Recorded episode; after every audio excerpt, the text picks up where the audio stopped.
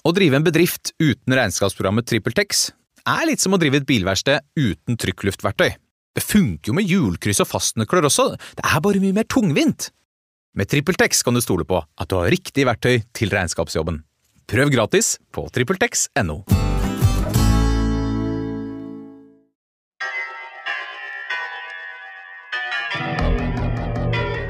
En enkel forbrytelse. Du hører på Uvirkelig fra Svarttrost. En enkel forbrytelse, som denne fortellingen er døpt, er skrevet av forfatter Jan Erik Vik.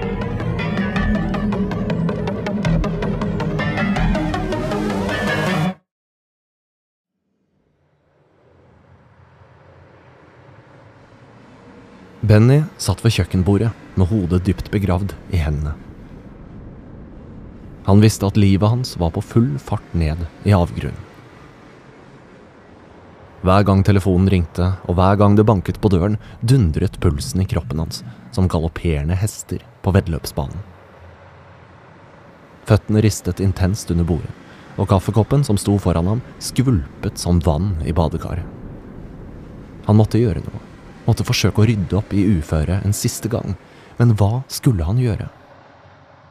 Kunne han selge noe? Han kikket rundt seg og så en leilighet med innhold som ikke hadde noe særlig verdi. Et par tusen for TV-en, kanskje. Et par hundrelapper for sofaen. Nei, det var håpløst.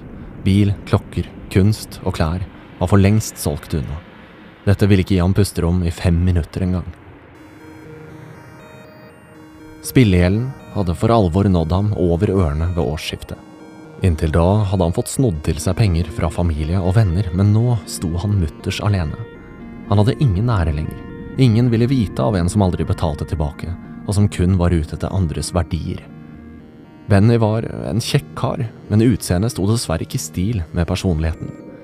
Småkriminell hadde han alltid vært, men de siste årene hadde grensene stadig forskjøvet seg, og han gjorde stadig verre saker. I en periode hadde han hatt en kjæreste, men også hun forsvant etter et par måneder. Klokelig skygget hun banen da hun fant ut hva slags person hun var blitt sammen med. Riktignok titusener av kroner fattigere, men hun kom seg i hvert fall unna med leilighet og bil i behold. Benny tente seg en røyk, reiste seg og stilte seg ved vinduet. Han sto delvis skjult bak gardinene, i frykt for at pengeinnkrevere og torpedoer ventet på ham på utsiden. Han så ingen, bortsett fra en kar som satt på busstoppet og kikket opp mot leiligheten hans.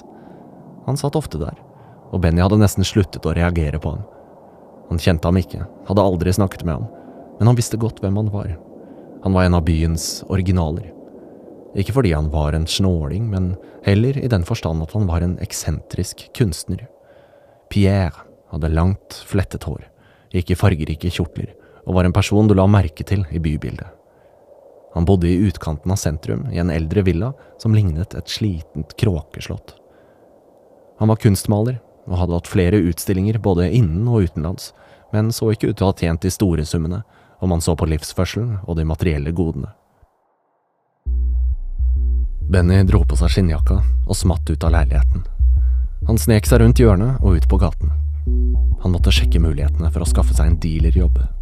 Kunne han få solgt noe stoff for noen av de faste nede ved havna, fikk han i hvert fall noen tusenlapper å rutte med. Han gikk forbi busstoppet og kastet et kort blikk på Pierre, som fremdeles satt der. Har du fyr? Pierre blunket med det høyre øyet da han spurte, nesten som om han tøyset med ham. Benny ville helst haste videre, men tok i lommen og fisket opp en lighter. Takk. Du bor her, eh, du altså? Ja, hvordan det? Benny så spørrende på ham. Jeg har jo sett deg en del på klubben, men aldri sammen med en kjæreste. Pierre tente røyken og stirret med sminkede bryn mot Benny. Sett meg på klubben? Jo, jeg har jo hengt der litt, men jeg har aldri snakket med deg. Kjæreste har jeg ikke. Jeg har nok utfordringer i livet mitt. Benny himlet med øynene da han sa det, strakk hånda frem for å få lighteren tilbake, og forberedte seg på å komme seg videre. Utfordringer, ja. Sånn er livet til dere som velger det vanlige liv. Jeg lever en dag av gangen og bryr meg katten om samfunnets krav. Jeg gjør som jeg vil. Hadde vært en drøm å ikke skulle kikkes over skulderen hele tiden. Benny ristet på hodet. Det var på en måte en innrømmelse om at han var i ferd med å gi opp, da han sto slik og utleverte seg selv. Kikke seg over skulderen. Høres ut som en slitsom måte å leve på. En kjekk kar som du. Hva har du rotet deg opp i? Pierre reiste seg opp og la hånden på skulderen til Benny. Benny rygget bakover. Hva i huleste var dette? Ble han sjekket opp? Han stappet lighteren tilbake i den trange jeansen og dro glidelåsen opp på skinnjakken. Ingenting, smilte han usikkert. Jeg har full kontroll på livet mitt, jeg. Du burde kanskje klippe håret ditt og skaffe deg en jobb selv. Stemmen til Benny var aggressiv. Pierre åpnet munnen som for å si noe, men stoppet opp et par sekunder. Han sugde et tungt drag av sigarettsneipen og blåste det ut igjen. Mulig jeg fornærmet deg, og det var ikke meningen. For min egen del så solgte jeg nettopp et maleri for to millioner, så selv om jeg ikke kaller det en jobb selv, så har jeg i hvert fall til salt i maten. Han ble stående og stirre mildt mot Benny, som plutselig angret bittert på den krasse tonen. Benny fiklet frem en sigarett fra lommen, lirket frem lighteren for andre gang og tente på. Sorry, sorry, jeg mente ikke å være så spydig. Jeg har bare hatt mye å tenke på i det siste. Men du, grattis med salget, da. Hva skal du bruke pengene til? Pierre lo høyt. Bruke pengene til? Jeg bryr meg svært lite om penger. Jeg har ikke en bankkonto engang. Det som betyr noe for meg, er det vakre. Jeg vil fange det vakre, male det vakre. Du, for eksempel, er vakker.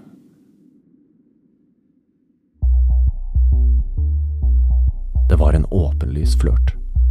Pierre stirret ham inn i øynene, og viket ikke blikket. Benny var nå bombesikker på at den eksentriske kunstneren la an på ham. Han stivnet til. Ikke bare på grunn av den siste setningen, men også på grunn av setningen tidligere. Han hadde ikke bankkonto engang. Hvor hadde han da pengene? Tankene surret som besatt i Bennys hode. Herregud, han kunne da godt spille med på en homofil flørt, dersom det kunne gi ham muligheten til å få fatt i det han skyldte. Det sto om livet, om å leve eller dø. De han skyldte pengene til, lekte ikke lenger. Han visste det var et tidsspørsmål før de innhentet ham, før de satte pistolmunningen mot hodet hans og trakk av. Kanskje… kanskje vi kunne treffes en gang? Bennys stemme skalv, og han kunne knapt tro at han hadde sagt setningen. Pierres ansikt lyste opp. Vi kan ta en kaffe nå, på Rivers kafé i sentrum. Der selger de verdens beste caffè latte. Nei, nei, jeg kan ikke nå. Kanskje jeg kan møte deg i kveld? Hos deg, kanskje? Benny var livredd for å bevege seg ned i sentrum. Ble han observert der, ville jungeltelegrafen raskt få meldt fra hvor han befant seg. I tillegg hadde han allerede begynt å gjøre seg tanker om hva han skulle gjøre dersom Pierre hadde penger eller kunst han kunne få fatt i. Det var best om ingen visste at de hadde møtt hverandre. Helt greit. Kom til meg klokken ni i kveld. Jeg fikser litt rødvin og ost. Noe skal man da bruke penger på. Han blunket til Benny, helt ulikt slik han hadde blunket da de møttes. Nå var det noe mer sensuelt over det. Ikke si til noen at vi skal møtes. Jeg er ikke Pierre kappet setningen hans i to. Vi ikke tenk på det. Jeg vet hvordan det er. Ikke alle er åpne. Han skrev ned adressen på en lapp som han ga til Benny, og så forsvant de hvert til sitt. Benny humret for seg selv, tross frykten som fremdeles satt som murt fast i ryggmargen. Med ett hadde han i det minste et håp, et håp om å sno til seg noen penger som kunne redde livet hans. Klokken var fem på ni da Benny sto ute foran villaen til Pierre. Han hadde på seg den samme jeansen og skinnjakken, men han hadde kledd seg i en skjorte med en genser utenpå. Under genseren hadde han stukket en pistol ned i buksa. Om han ikke selv fant de pengene, skulle han true dem til seg. En kunstnertype som dette var nok lett å skremme til taushet. Han kikket omkring seg og passet på at ingen så ham da han ringte på døren. Det var tydelig at Pierre hadde drukket et par glass vin da han åpnet døren, for han snøvlet litt når han snakket. Hendene var fulle av maling, og det samme var kjortelen. Kom inn, Benny. Jeg har malt i hele dag og helt glemt tid og sted. Han kysset Benny usjenert på kinnet. Benny smatt på innsiden av døren og kikket straks omkring seg. Overalt var det tildekkede lerreter og tomme malingsbokser. Det luktet en blanding av maling og gammel frukt i den spartansk innredede kunstnerboligen. Ved siden av et stort staffeli sto det to vinglass og en åpnet vinflaske. Ta deg et glass, Benny, og sett deg inn i dagligstuen. Det lukter ikke så ille maling der inne. Jeg må ta en rask dusj, og så skal vi nok bli litt bedre kjent. Føl deg som hjemme. Det var helt perfekt. Benny kunne straks gå i gang med å gjennomsøke huset. Om han ikke fant pengene, så var det sikkert et eller annet verdifullt maleri han kunne raske med seg. Pierre hadde tross alt nylig fått to millioner for ett av dem. Han dro på seg et par latekshansker og gjennomgikk skap og kasser uten å finne noe som helst av verdi. Han saumfarte etasjen som en virvelvind, og endte etter hvert opp foran en tykk dør hvor en nøkkel sto i nøkkelhullet. Han vred den rundt, åpnet døren, og en trapp ned til kjelleren åpenbarte seg. Med raske steg forsvant han ned trinnene. En enslig pære i taket lyste opp kjellerrommet, som inneholdt ett eneste møbel. En gammel kiste. En rosemalt kiste, fra forrige århundre. Skjelvende åpnet han lokket. Han ble stående og måpe noen sekunder. Han kunne knapt tro det han så. Bunker på bunker med sedler. Dette måtte da være enda flere millioner enn de Pierre hadde fått for det siste maleriet. Han dro en søppelsekk ut fra innerlommen på skinnjakken, godt forberedt som han var, og stappet den full av pengebunkene. Ansiktet lyste grådig da han listet seg opp trappen. Nå var det bare å skygge banen og få betalt gjelda. Skulle politiet dukke opp, kunne han blånekte. Ingen spor ville uansett føre dem hans vei, og det kunne ta dagevis før tyveriet ble oppdaget. Det var neimen ikke så sikkert at Pierre var nede og sjekket kista daglig en gang. Da han tok i døren på toppen av trappa, kjente han straks duften av sjampo. Foran ham sto en halvnaken Pierre med langt, vått hår og et håndkle løst omkring midjen. Hva faen, hva er det du holder på med?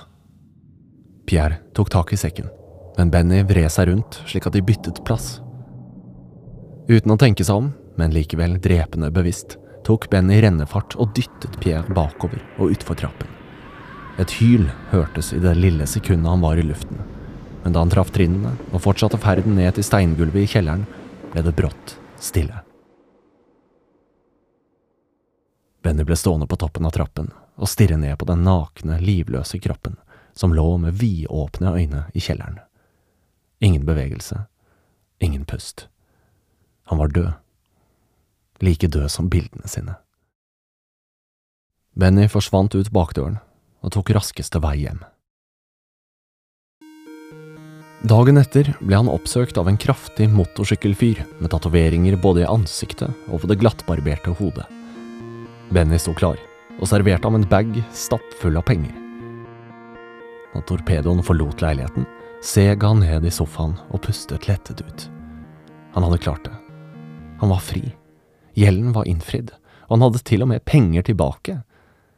Han vurderte et kort øyeblikk å gi noe tilbake til alle andre han hadde svindlet, men han slo det raskt fra seg. Nå kunne han gamble igjen. Han kunne leve i sus og dus slik han hadde gjort tidligere. På radioen hørte han at den anerkjente kunstneren var funnet død i sin egen villa. Politiet var på stedet og etterforsket det som kunne se ut som et drap. De var tydelige på at en stor slump med penger var forsvunnet, og gikk allerede ut med en uttalelse om at en i hans nærmeste krets kunne være gjerningsmannen. Benny smilte. Han følte seg trygg nå. Hvem skulle vel sette ham i forbindelse med en homofil maler som han aldri tidligere hadde truffet? Han var verken homofil eller vanket i hans kunstnerkrets. Han slo av radioen og lukket øynene. Han var sliten nå, sliten av å være redd og frykte at folk var etter ham. Han sovnet kort tid etter, men våknet brått av at det hamret på døren. Han spratt opp, men kjente mer på irritasjon over at søvnen var avbrutt, enn på frykt. Han hadde ikke lenger noe å være redd for, han fryktet ingenting. Da han åpnet døren, slo likevel angsten i ham som et hardt knyttneveslag. Fire politimenn sto utenfor døren hans og trengte seg inn i leiligheten. Han ble straks satt i håndjern. Han var ferdig, og kunne ikke nekte, ettersom han hadde vært så trygg på sin egen forbrytelse at han ikke hadde giddet å skjule de resterende pengene engang. De lå fremdeles i søppelsekken. Riktignok under sengen, men det ville ta politiet fem minutter å finne dem. Da søppelsekken ble holdt opp foran ham, hadde han kun et eneste spørsmål. Hvordan i helsike hadde de funnet ham så fort? Etterforskeren som sto foran ham, gliste bredt. Vel, det var ikke vanskelig å vite at det var du som var den siste som hadde vært der. Benny kikket fortvilet på ham, og slang ut en setning som fikk alle politifolkene til å humre høylytt. Jeg har aldri truffet mannen engang. Han vet ikke hvem jeg er heller. Malingen var ikke tørr engang, Benny. Etterforskeren gliste. Malingen? Bennys ansikt lyste spørrende tilbake. Et digert nakenbilde av deg på to ganger to meter. Han var en fantastisk maler, vet du. Mye bedre enn våre egne fantomtegnere. Men slapp av, vi trenger kun bilde av ansiktet i vår bransje, og det var veldig gjenkjennelig. Spesielt av en kjenning som deg. Resten av maleriet har vi heldigvis ingen kunnskap om i våre arkiver.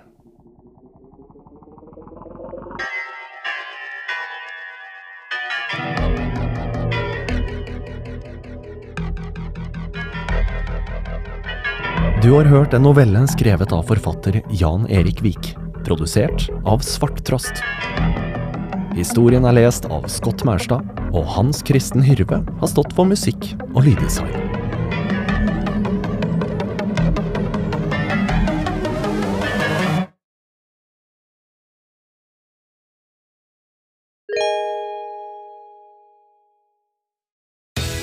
Skal du pusse opp eller bygge noe nytt? Ikke kast bort tid på å lete etter håndverkere selv. Gå inn på mittanbud.no og lag en beskrivelse av jobben du ville ha gjort. Så mottar du tilbud fra flere erfarne håndverkere som du kan sammenligne. Med mange tilbud er du sikrere på at du velger riktig bedrift, og at jobben blir skikkelig utført. Mittanbud.no få jobben gjort. Driver du en liten bedrift? Da tenker du sikkert at dette er en reklame for fiken. Men det er det ikke, for vi er Folio. Folio er en banktjeneste for bedrifter, og vi er fikenbrukerne sin absolutte favoritt. Med Folio får du nemlig en superenkel nettbank og kjappere regnskap. Dessuten får du påminnelser om alt du ellers må huske på. Med Folio er alt samlet på ett sted, og du får umiddelbart kontroll over utgifter og kvitteringer. Besøk folio.no og se hvorfor bedrifter foretrekker oss fremfor de store bankene. Folio smartere enn banken.